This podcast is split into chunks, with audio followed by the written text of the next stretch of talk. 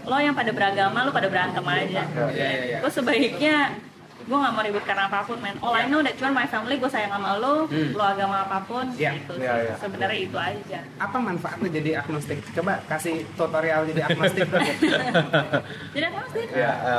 jadi kalau misalnya hari gini lo decide jadi agnostik tuh lo rugi karena, Karena lu kan- butuh lu butuh ritual ya. bukan masalah butuh ritual lo butuh THR men Oh. Tiap tahun. Oke oke. Hi, folks. This is your platform to be heard. This is your moment. Yash a moment. Tiga, dua, satu. Hai Fox, Eh, jumpa lagi bersama gue Yasher dan eh, bakal jadi tamu reguler gue ini Bang Daniel yang di episode sebelumnya tentang dia ini apa pengajian lintas agama. Cie, ceritanya gitu lah. Nah hari ini eh, episode kali ini kita mau ngebahas tentang agnostik. Nah gue kedatangan satu tamu yang backgroundnya cukup menarik dikenalkan dari teman gue yang di episode sebelumnya juga. Boleh diceritain? Boleh perkenalkan sedikit? Ya, halo, gue Laura. Em, gue saat ini em, sibuk kuliah dan usaha juga kecil-kecilan. Gue eh, ibu dari dua orang anak. Em, Iya, gitu aja sih. Nah, aku kan dapat info nih, Mbak Laura sempat menjalani apa ya eh, agnostik. Agnostik sendiri kan eh, kalau kita pahami secara general kan eh, percaya Tuhan tapi nggak percaya agama, kan ya gitu. Nah, aku ngelihat di enam tahun terakhir, lima tahun terakhir tuh anak-anak eh, kota itu banyak yang mengan- menganut paham agnostik juga. Nah, aku mau mengkonfirmasi ke Mbak Laura eh, ya apakah ini cuma sebuah tren aja eh, atas kekecewaan mereka terhadap satu agama doang? Terus akhirnya udahlah apa nih agama? Image-nya jelek di di luar sana gitu kan. Gue malu gitu. Apalagi kayak brand ambassador brand ambassador mereka pemuka pemukanya kadang dapat blunder nih ya kan? Blunder ya ke mana-mana lah gitu nggak nggak nggak sesuai sama omongannya. Nah eh, aku mau tanya Mbak Laura sendiri itu yang ikut tren enam tahun terakhir atau emang gimana sih bisa bisa nyemplung ke paham itu? Kalau aku, em, technically aku em, agnostik tuh 13 tahun yang lalu. So ya, aku udah ngejalanin itu before it was trend ya, before it was cool. Em, dan itu juga sebenarnya datang dari background bahwa aku punya eh, pengalaman untuk eh, melihat dua-duanya. Because di keluarga aku kan, my mom Kristen, my bokap eh, Islam. Jadi ya you know, I, I got that chance gitu loh untuk untuk Iya. lihat kiri kanan. Nah Jadi terus mulai gitu. mulai goyangnya gimana? Hmm, itu sebenarnya bukan bukan fase goyang sih ya. It's, it's part of the journey aja gitu. Iya. Um, jadi pada saat uh, dulu kalau in my background saya lahir Kristen, ngejalanin hidup Kristen until a certain age, which is in the early teenagers. Oke. Itu aku uh, akhirnya decide untuk belajar Islam. Belajar Islam dan uh, pada saat ngejalanin itu ada beberapa pihak keluarga yang bukan menjalankan Islam uh, merasa itu bukan satu hal yang baik gitu loh. Bukan mereka tidak bilang baik sih, cuman maksudnya kayak uh, apa ya? Maybe they just um, they were more shocked of the you know sudden decision yang Iya, aku iya. bikin. Padahal tanpa mereka ketahui sebenarnya itu kan juga part awal dari you know we, we- just trying to get to know each other you know like Iya, iya. kalau fasenya orang masih PDKT kali Iya. ya. Dan aku juga kayak you know aku mau tahu teknisnya Islam kayak gimana, what are the values that they are holding gitu yang yang kita harus tahu gitu pelajarin as a muslim as a muslim gitu. Um, terus uh, karena ada dispute dari bersama apa ke- dengan keluarga terkait aku ngejalanin Islam. So I finally realize, you know what? Um, kalau emang fungsinya agama itu harusnya membuat dunia jadi lebih baik gitu kan idealnya. Kenapa memecah-mecah gitu? There you go. Apakah harusnya saya menjadi manusia ini aja manusia universal aja gitu yang kita sih universal mungkin Iya, iya. kayak you know lo seagama apa pun nggak masalah you know tapi kita kan kalau agnostik gini again when I was being an agnostic ya aku mikirnya Itu kayak, usia berapa agnostik? Oh, finally I decided to be agnostic itu aku SMA an ya Oh, Oke. Mm-mm. I was somewhere in um, 16 ke 17 karena pada akhirnya gue harus bikin KTP kan Iya, and. I have to decide gue mau agama apa Oke, nih oke. Di- Jadi di- kesempatan agnostik cuma satu tahun? Yes, exactly. untuk Oh, ekspor, gitu. untuk Oke. ekspor agnostik. Oke. exactly terus um, tapi pada akhirnya um, nggak sih maksudnya dokumentasi legal ya dokumentasi legal ya beda ya maksudnya at the end gue tetap milih uh, untuk KTP gue agamanya apa Apa? Um, itu data pribadi ya. Oke, oke ya. baik. tapi tapi tapi sebelum tapi yang menariknya sebelum akhirnya eh, apa ya tumbuh dengan eh, keluarga beda agama terus akhirnya memutuskan agnostik detik-detik memutuskan jadi agnostik itu kenapa kayak ada momen-momen tersendiri gak sebelum lo memutuskan itu Uh, momen tersendiri pasti ada. Um, apa yang akhirnya turn turn on your link point uh, turning point ya. Uh, what triggers decision gue itu karena gue pikir gini, you know what, when you when you decide to detach to a certain kind of uh, bendera gitu loh, yang sebenarnya you know harusnya agama itu idealnya satu bikin lo jadi orang yang lebih baik, terus Yes. liberating you, Iya, iya. liberating you dari hal-hal yang you know downgrading Hmm. uh, life value lo, terus uh, misalnya uh, lo jadi terikat nih, misalnya lo jadi nggak bisa socialize sama banyak orang terkait agama gitu kan. Nah gue pikir kok kok jadi lebih banyak mengikat gitu loh. Oh, oh dibanding Nah, membebaskan dan mungkin juga pada saat itu gue belum ada di usia yang bisa melihat bahwa kita tuh manusia tuh seliar itu loh. That's why kita butuh agama untuk ngerem. terus ada ininya gak sih kalau agnostik kan kalau masuk Islam kan asyhadu alla ilaha Oh, illallah iya, iya. Ada krit, Jadi, kalau kalau gue rasa kan ritual you just flip your hair. Oke. I love it. you flip your hair and then you whatever do whatever you want. Berarti kan nggak bikin statement ke diri sendiri dulu kan? Bikin statement ke diri sendiri dulu. Terus gimana akhirnya lo mengkomunikasikan atau lo itu simpan aja? Hmm, gue gue sih nggak mengkomunikasikan yang kayak maksudnya nggak ada kayak pengesahannya gitu. Kalau Islam kan sahnya ketika lo mengucap dua kalimat syahadat itu kan, atau Kristen ketika lo in baptist gitu kan. Um, nggak ada. It was just a, you know it's a small conversation between me and myself. I was saying like um, God, you know what that you know that forever you exist in me, you exist in my heart, and I believe in you. And it's gonna be so arrogant untuk gue berpikir bahwa Tuhan tuh nggak ada. Ya, ya. Bukan karena ada beberapa pertanyaan yang nggak bisa gue jelasin secara logis, tapi memang gue pikir there's always a way for you to humble yourself. Doesn't matter. Jadi gue pikir ya udah plus when I'm being an agnostic, gue ngerasa kayak gue lebih open aja gitu loh. Gue nggak punya nggak punya penghakiman tersendiri, you know, penghakiman terhadap orang yang agamanya di luar agama gue. Apakah untuk open minded harus keluar dari label itu? Karena gue mewakili yang gue gue masih label gue masih Islam tapi Beragama. kayak gue masih beragama tapi ya gue open open aja. Apakah lo butuh detach dari label itu dulu baru bisa open minded atau sebenarnya ada alasan lain kayak merasa terbebani oleh norma-norma label yang gue pegang gitu?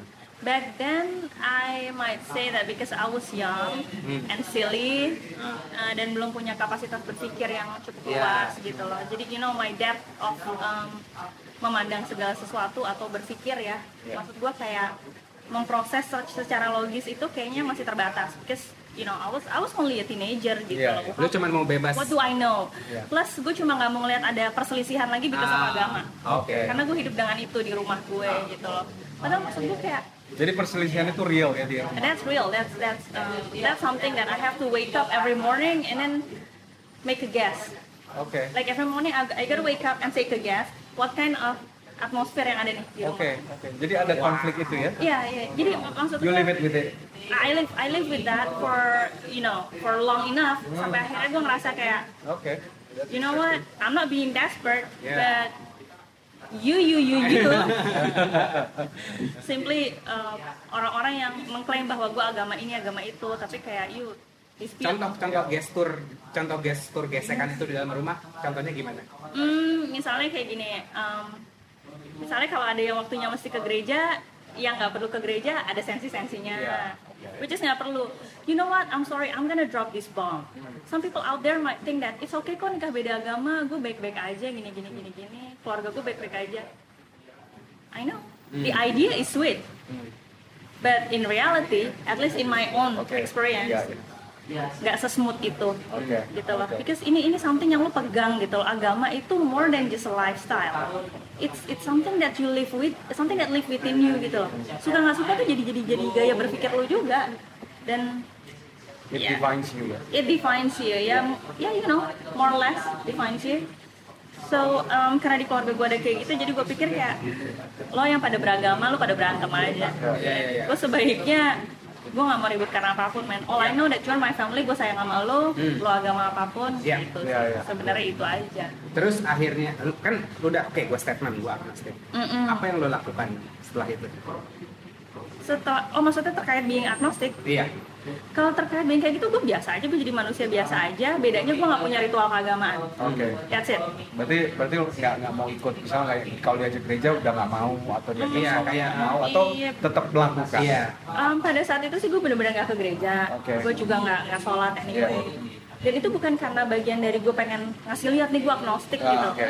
cuman memang gue lihat ternyata bahwa ketika lo memang ingin memuliakan Tuhan Iya. karena agama itu kan sarananya kita untuk begitu kan like you just love ciptaannya dia aja Oke. gitu and in this case itu keluarga lo gitu kan dan iya se- se- sesimpel itu aja gitu loh Ada yang ada yang bilang lo agnostik cuman males sholat aja.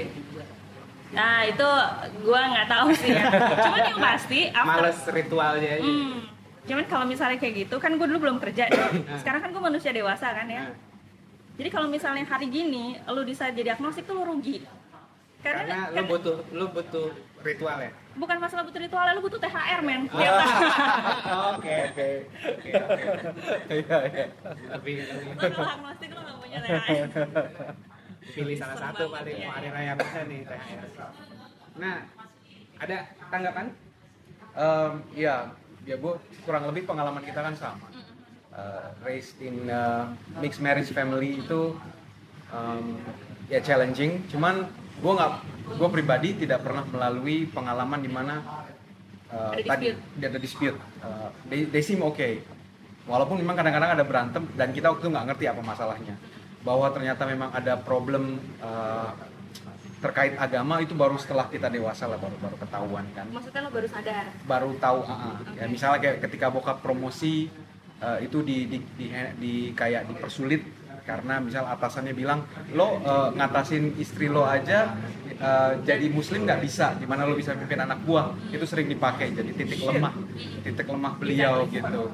Jadi Brutal truth. Brutal truth. brutal truth ya dan itu di Indonesia. Makanya dalam beberapa hal sering kali eh, ya mungkin pegawai yang pragmatis karena misalnya untuk demi promosi dia akan jadi mualaf demi demi. Nah itu itu seperti itu eh, kenyataannya di lapangan Jadi senjata politik betul sebenarnya. betul jadi jadi disalahgunakan sementara eh, ya tadi gue bilang kan sebenarnya agama itu untuk membuat kita jadi lebih baik kan yang ada malah jadi munafik setelah itu jadi ya eh, ya gue bisa ngerasain dan gue juga Bisa relate. ya bisa relate gitu. Iya, jadi ya sebenarnya ya kak, gue gue juga jadi ikutan ngerespon ya karena banyak setujunya gue dengan dengan apa yang eh, abang barusan bilang gitu loh. Karena sebenarnya itu sih sebenarnya bukan bentuk bukannya form of desperation gue jadi agnostik itu, tapi emang bener-bener apa ya kecewa juga bukannya enggak cuman I'm just trying to liberate liberating myself Yes.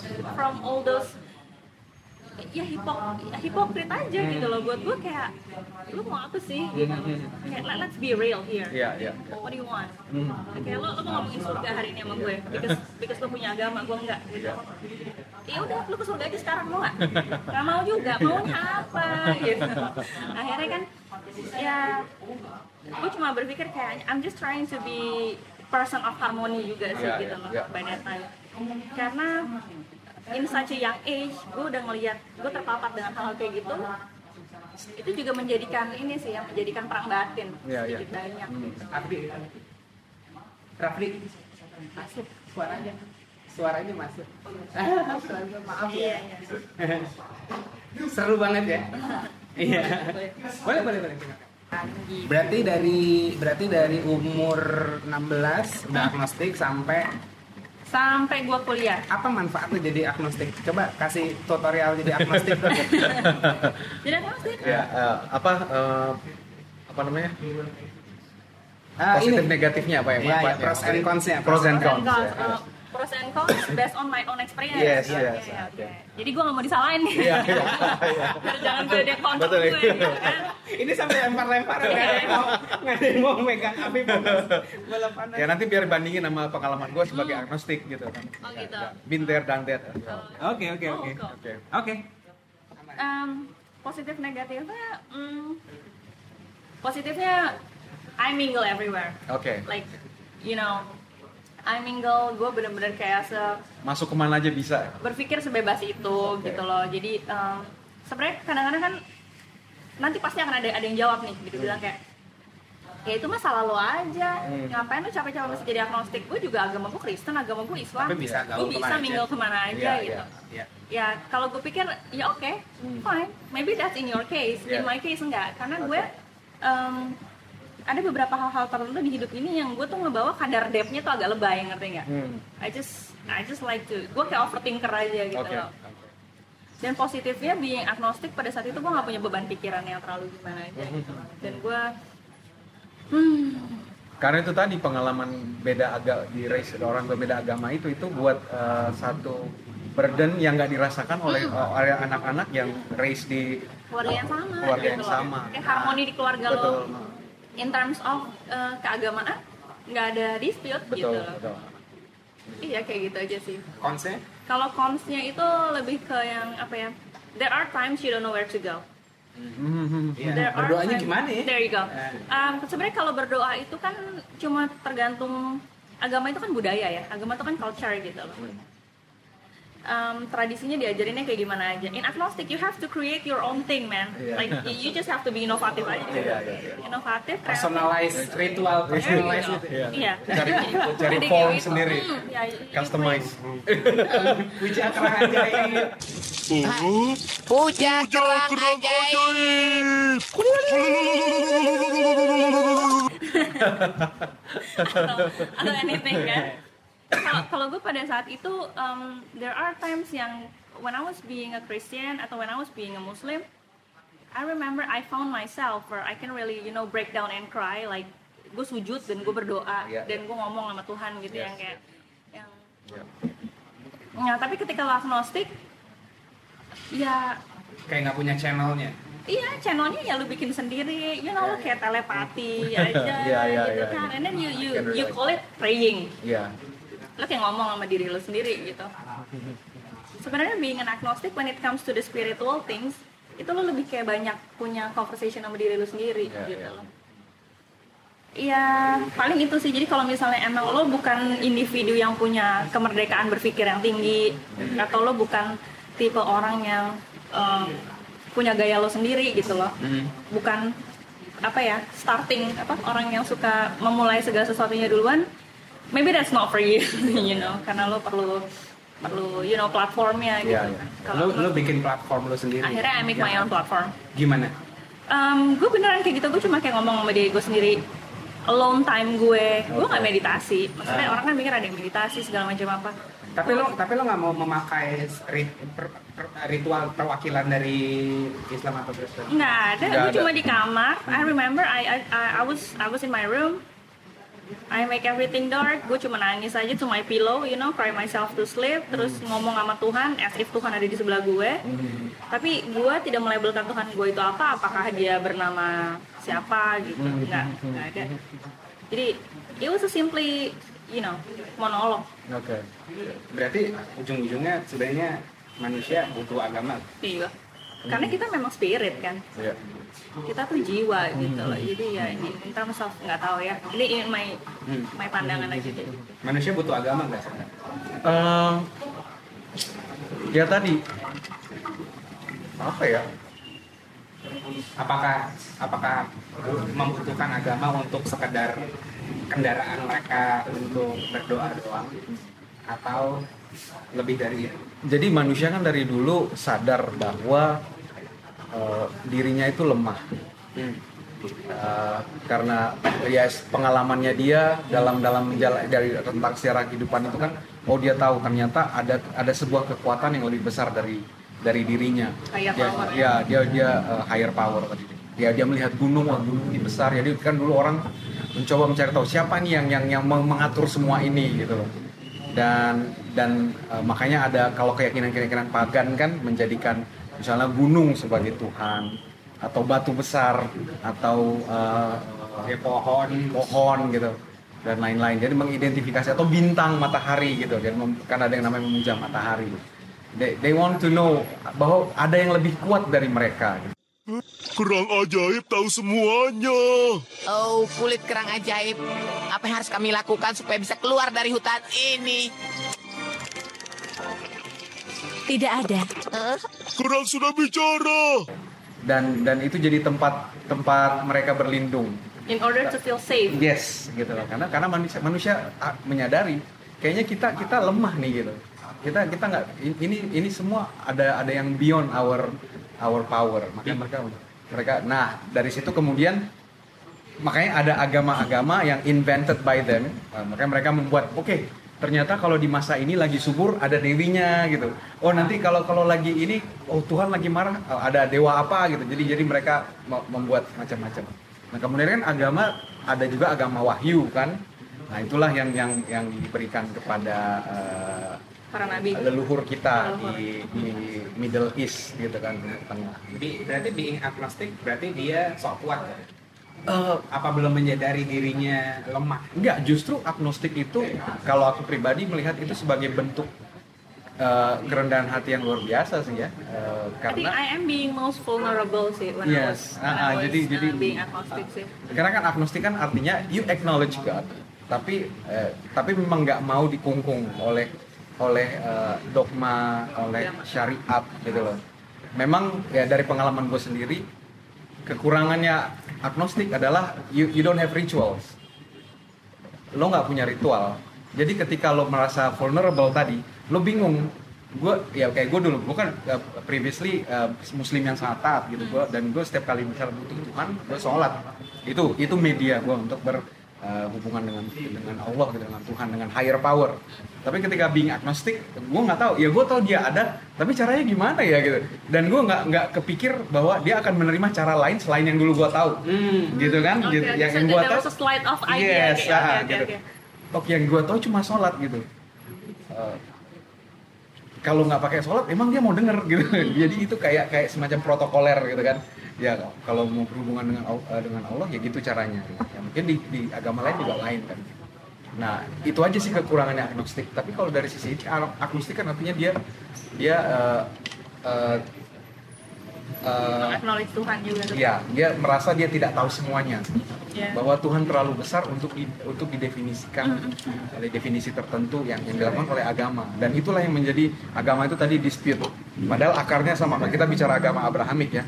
Eh, Yahudi Kristen eh, eh, Islam itu sebenarnya kan akarnya sama sama-sama eh, dari Abraham dari Ibrahim yang yang menyembah Tuhan.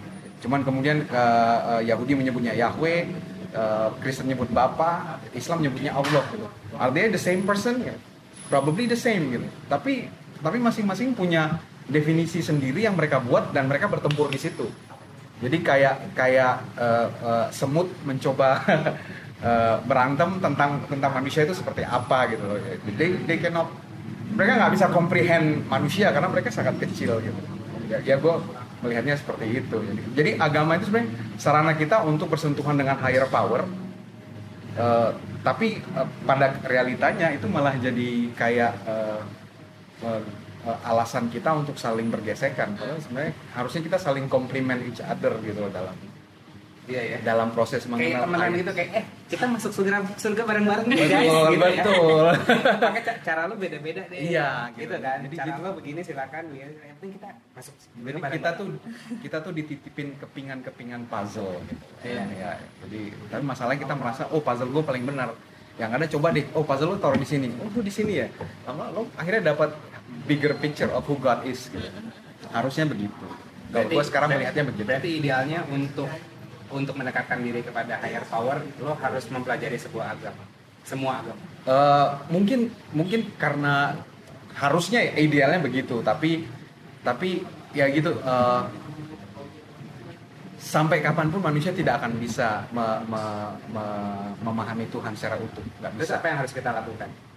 Hidup aja. hidup aja ya hidup aja hidup yang bermanfaat tadi dia Iya. tadi yang gue gue tangkap bagus banget dia, dia bilang eh, ya bagaimana gue acknowledge God dengan cara gue mengasihi ciptaannya dalam hal ini keluarga gue Oh gitu ya. ya Iya, I'm just trying to be the person of harmony betul kan. ah gitu person tadi. of harmony itu salah satu term yang Karena bagus itu ya karena pada akhirnya gue berpikir em, gini loh ya udahlah kita gue pada akhirnya memilih untuk menjalankan ritual agama karena I know that I'm just a, another human being. Like you know we need to anchor ourselves to certain kind of ritual in order to put ourselves in order Ya, gitu loh. ya, ya. jadi ya udah kalau buat gue kalau intinya harusnya kayak gimana to me back to the concept lah. Kita kan hanya sejauh yang kita tahu Hmm. gitu kan. Dan sebaik-baiknya manusia hanya manusia yang bermanfaat untuk manusia lain. That's what I believe. Betul itu uh, hadisnya Rasul. Gitu ya. Iya. jadi eh, maksud gue as long as you can live your life gitu. Karena kalau di Kristen tuh ada ada istilahnya gini loh. Ketika lo dititipin satu talenta sama Tuhan nanti akan akan dipertanggungjawabkan. Jadi lo harus mempertanggungjawabkan talenta yang dikasih gitu kan. Misalnya lo dikasih oh lo jadi orang pintar dalam satu hal lo harus mengembangkan itu nah ketika itu udah berkembang you have to make sure itu berguna buat banyak Betul. orang right Betul. so, it's a dampak gitu Yeah. kan yang yang yang di yang di eh, menj- jadi goalnya gitu kan pada saat gue menjadi agnostik em, itu sebenarnya nggak ada siapa pun yang mau gue lawan Iya. nggak ada nggak ada pertentangan nggak ada sok pintar atau apa pun itu purely gue bener-bener ngerasa you know what gue nggak mau berantem lagi sama diri gue sendiri Hmm. gue nggak mau berantem lagi sama diri gue sendiri gue nggak mau ngeliat orang di sekitar gue berantem karena agama Iya, iya. because why man gitu kita keluarga Hmm. we've been supporting we've been covering each other's us Yeah, since yeah. forever you know Yeah, like yeah. why suddenly we we decide to kill each other simply Yeah, because of Yep. emang gue half Islam half Kristen mau diapain gitu kan I I didn't choose Islam. right tapi kalau misalnya emang I should have not picked one of each and better make my own thing which is being agnostic dan dengan kayak gitu juga gue gak punya perang batin which is itu yang ngeberatin gue sih jadi gue pikir ya that's why I decide to be to be one gitu loh ya udah kalau perjalanan agnostik sih di situ aja kayak kayak jadi beban ya agamanya iya bebannya karena em, Karena melihat berantem. Iya, ya, karena itu. berantem. Terus dari gitu gue juga ngerasa kok, loh Tuhan, misalnya gue waktu itu masih Kristen. Terus dari gitu gue ngomong gitu loh kayak, well Papa God, why? gitu kan kita manggil Bapak kan. Iya, Kita kayak, why Papa God, why is this like this? Why why ini nggak kayak gini? Ini Iya. namanya. Terus dari gitu gue ngerasa, kok Tuhan gak jawab-jawab gue sih? Karena gue udah pakai kendaraan Kristen nih Iya, misalnya. iya. Atau gue Islam nih. Gue sempat ngejalanin yang sholat lima waktu gitu. Iya. Gue bener-bener gue ngejalanin sholat lima waktu. Walaupun gue cuma bisa pakai eh, doa Al-Fatihah doang. Hmm. Um, terus dari gitu akhirnya gue finally gitu ya kan by by uh, perjalanan hidup I finally get the idea gitu itu inspirasi dari satu film Dr. House dia cuma bilang kayak gini when you talk to God you're a religious person but when you think that God's talking to you you're a fucking lunatic man Iya. Oke, iya, iya. Jadi ketika ketika itu gue jadi get the idea gitu loh oh pada saat itu kan gue nunggu nih Tuhan nih jawab jawab ke gue Iya, kan iya. jalan yang nggak jawab juga Iya, emang iya. gue gue jadi on my way to be a lunatic aja Iya, iya. so ya sih sebenarnya uh, garis besarnya kalau dari gue being an agnostic itu simply because um, gue mengalami hal-hal yang tadi gue jelasin dan itu menjadi solusi gue pada saat itu. Hmm, Iya, iya. untuk terlepas satu dari perang batin. Terus uh, itu menjadi sarana gue um, sekarang ketika gue sudah tidak menjalani itu lagi gue ada di fase yang mana kayak damn man. Damn I'm glad that I was there you know. Damn I I'm I'm I'm fucking glad that I was down that road. Hmm. so um, and I, I've been around the block couple times Yeah, yeah. gue ngalamin ini dan itu gue terekspos sama ini dan itu it gives me to the idea that Nah kan, lo bukan cuma belajar agama, tapi finally lo dapat pelajaran who you are as a person. Iya, iya. Jadi jadi sebenarnya buat gue perjalanan hidup itu kayak perjalanan lo mengenal diri lo sendiri aja. Whatever that suits you, Iya, iya. whatever that's good for you and other people, you know the way lo interact sama orang gitu. Iya, It's, it's more of that sih kalau perjalanan hidup. ada ada value yang bisa lo bagi gak buat orang-orang yang anggapannya lo versi umur 11 tahun, 12 tahun, 13 tahun, 14 tahun yang merasakan yang lo rasain sebelumnya, apa yang lo mau kasih tahu ke mereka? Kalau buat gue, because I was there, um, gue cuma mau bilang aja kayak keep your head sane. Whatever that can help you to keep yourself sane, lo jalanin itu. Yang penting um, lo harus percaya things gonna get better, you know. Ini ini bukan cuma sekedar omongan kayak motivasi yang lo banyak temuin di Iya. Instagram atau Iya. di online gitu. Itu diomongin karena it it happen, things are gonna get, gonna get better. Dan kalau emang perjalanan lo harus kayak gitu, lo lakuin aja?